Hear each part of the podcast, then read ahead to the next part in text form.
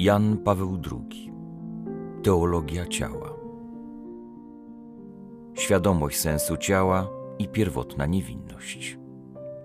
Pragnę równocześnie krótko przynajmniej streścić temat dzisiejszego rozważania, które jest dalszym ciągiem cyklu tegorocznych rozważań. Wiążą się one z tym odwołaniem się Pana Jezusa do początku, wówczas kiedy pytano go o sprawę małżeństwa.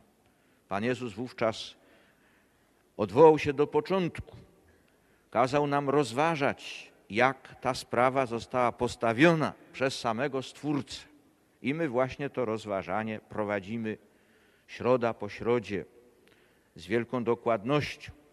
A żeby je prowadzić, trzeba sięgnąć aż do stanu pierwotnej szczęśliwości człowieka i do stanu pierwotnej niewinności człowieka. To znaczy do stanu przed grzechem pierworodnym, tam bowiem bierze swój początek to szczególne przymierze człowieka z człowiekiem, osoby z osobą, mężczyzny i niewiasty. Tam, w tym stanie. I nie jest bez znaczenia fakt, że Chrystus, odpowiadając na pytanie o małżeństwo, kazał nam wracać aż do samego początku. Rozważać człowieka tak, jak on zarysował się w świecie na mocy aktu stwórczego Boga, który jest aktem miłości.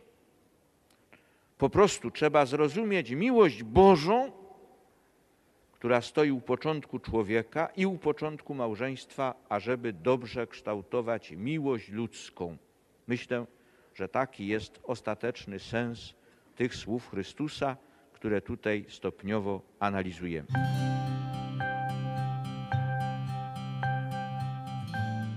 La realtà del dono e dell'atto del donare, delineata nei primi della Rzeczywistość daru i obdarowania, zarysowana w pierwszych rozdziałach Księgi Rodzaju jako treść konstytutywna tajemnicy stworzenia, potwierdza zawarte w tej tajemnicy promieniowanie miłości. Tylko miłość stwarza dobro i tylko ona pozwala się ostatecznie dostrzec poprzez wszystkie jego wymiary i profile w stworzeniu, a zwłaszcza w człowieku. Jej obecność jest niejako ostatecznym wynikiem tej hermeneutyki daru, którą tutaj przeprowadzamy.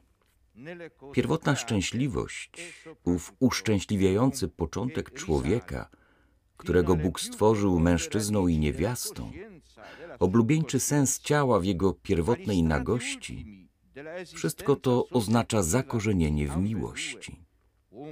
To obdarowanie konsekwentne, sięgające aż do samych głębin świadomości i podświadomości, do tych ostatecznych warstw podmiotowego bytowania obojga, mężczyzny i kobiety, odzwierciedlające się w ich wzajemnym przeżyciu ciała, świadczy o zakorzenieniu w miłości.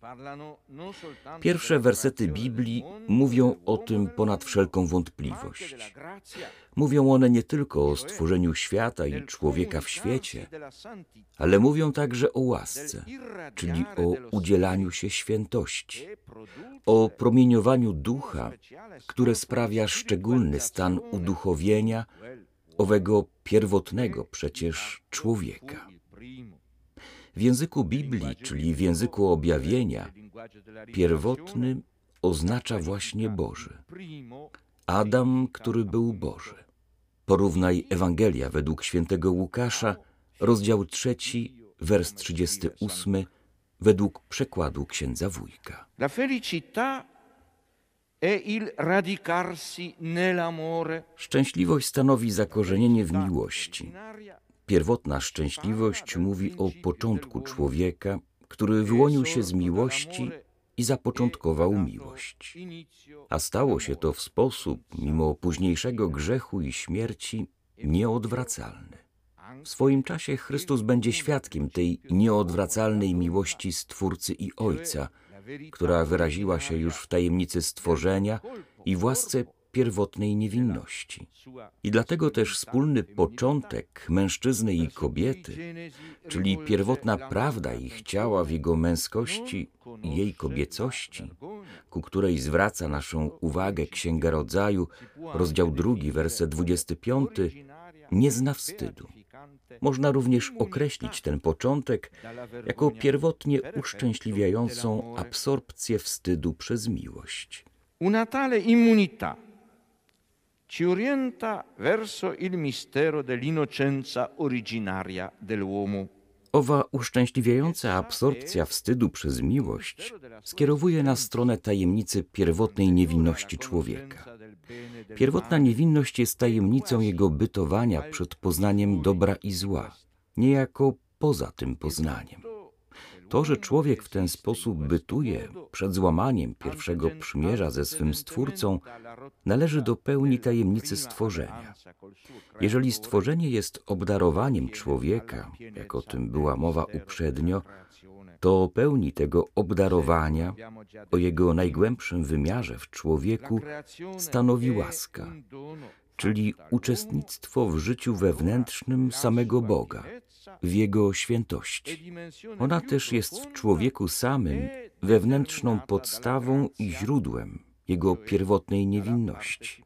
Tym pojęciem, albo też ściślej pojęciem sprawiedliwości pierwotnej, określa teologia stan człowieka przed grzechem pierworodnym. W niniejszej analizie początku, która toruje nam drogę do zrozumienia teologii ciała, musimy się zatrzymać przy tajemnicy pierwotnego stanu człowieka. Właśnie bowiem ta świadomość ciała, więcej, poczucie sensu ciała, jakie poprzez analizę początku staramy się tutaj wydobyć, ujawnia rys pierwotnej niewinności.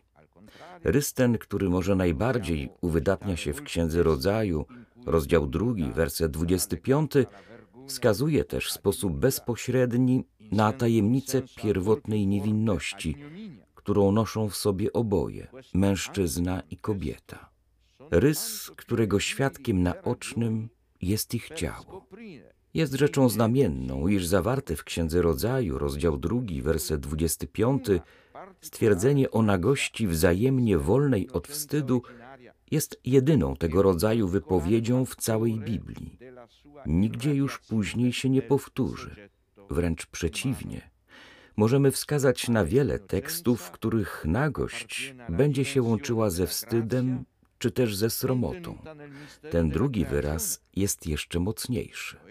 W tym szerokim kontekście tym bardziej widać podstawy, aby w Księdze Rodzaju, rozdział drugi, werset 25, odnajdywać szczególny ślad tajemnicy pierwotnej niewinności, szczególny niejako punkt jej promieniowania w ludzkim podmiocie.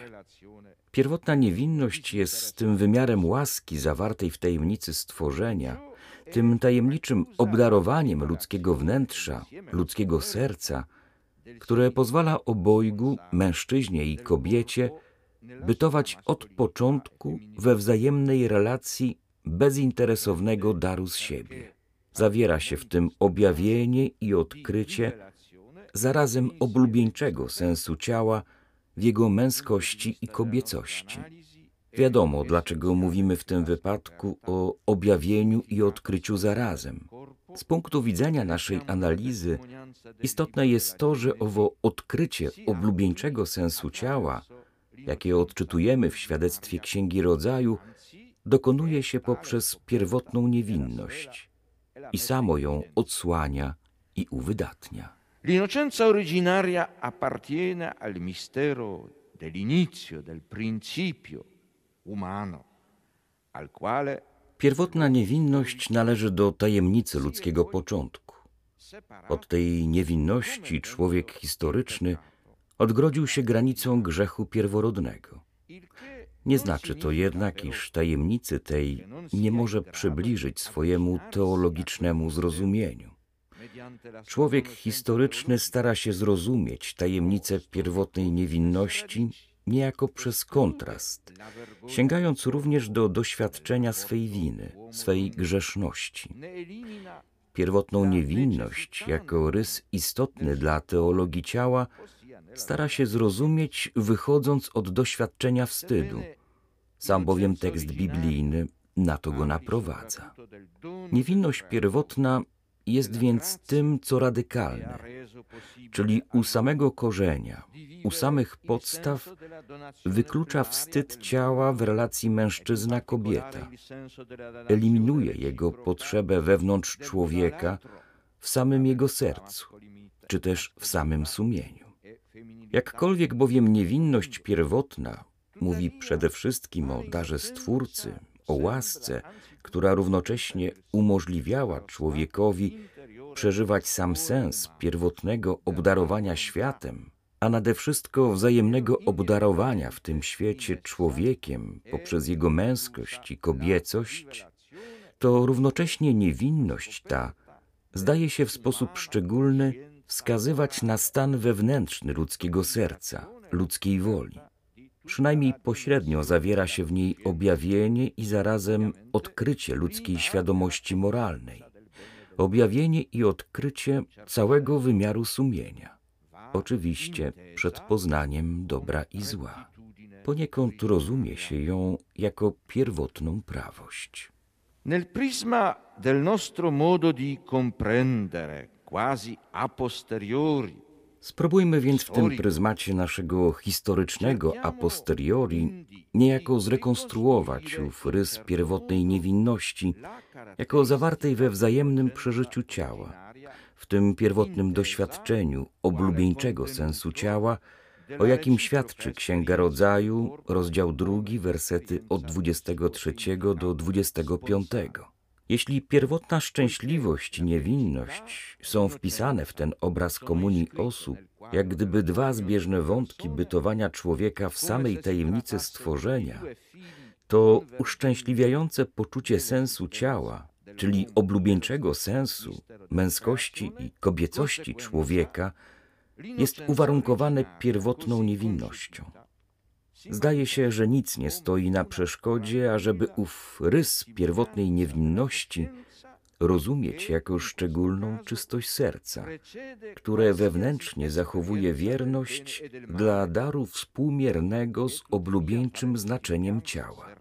W konsekwencji zaś tak rozumiana niewinność pierwotna objawia się jako niezmącone świadectwo sumienia, które w tym przypadku wyprzedza wszelkie doświadczenie dobra i zła. Niemniej takie niezmącone świadectwo sumienia tym bardziej jest czymś uszczęśliwiającym. Można powiedzieć, że poczucie oblubieńczego sensu ciała, w jego męskości i kobiecości, dopiero w tym świadectwie staje się po ludzku uszczęśliwiające.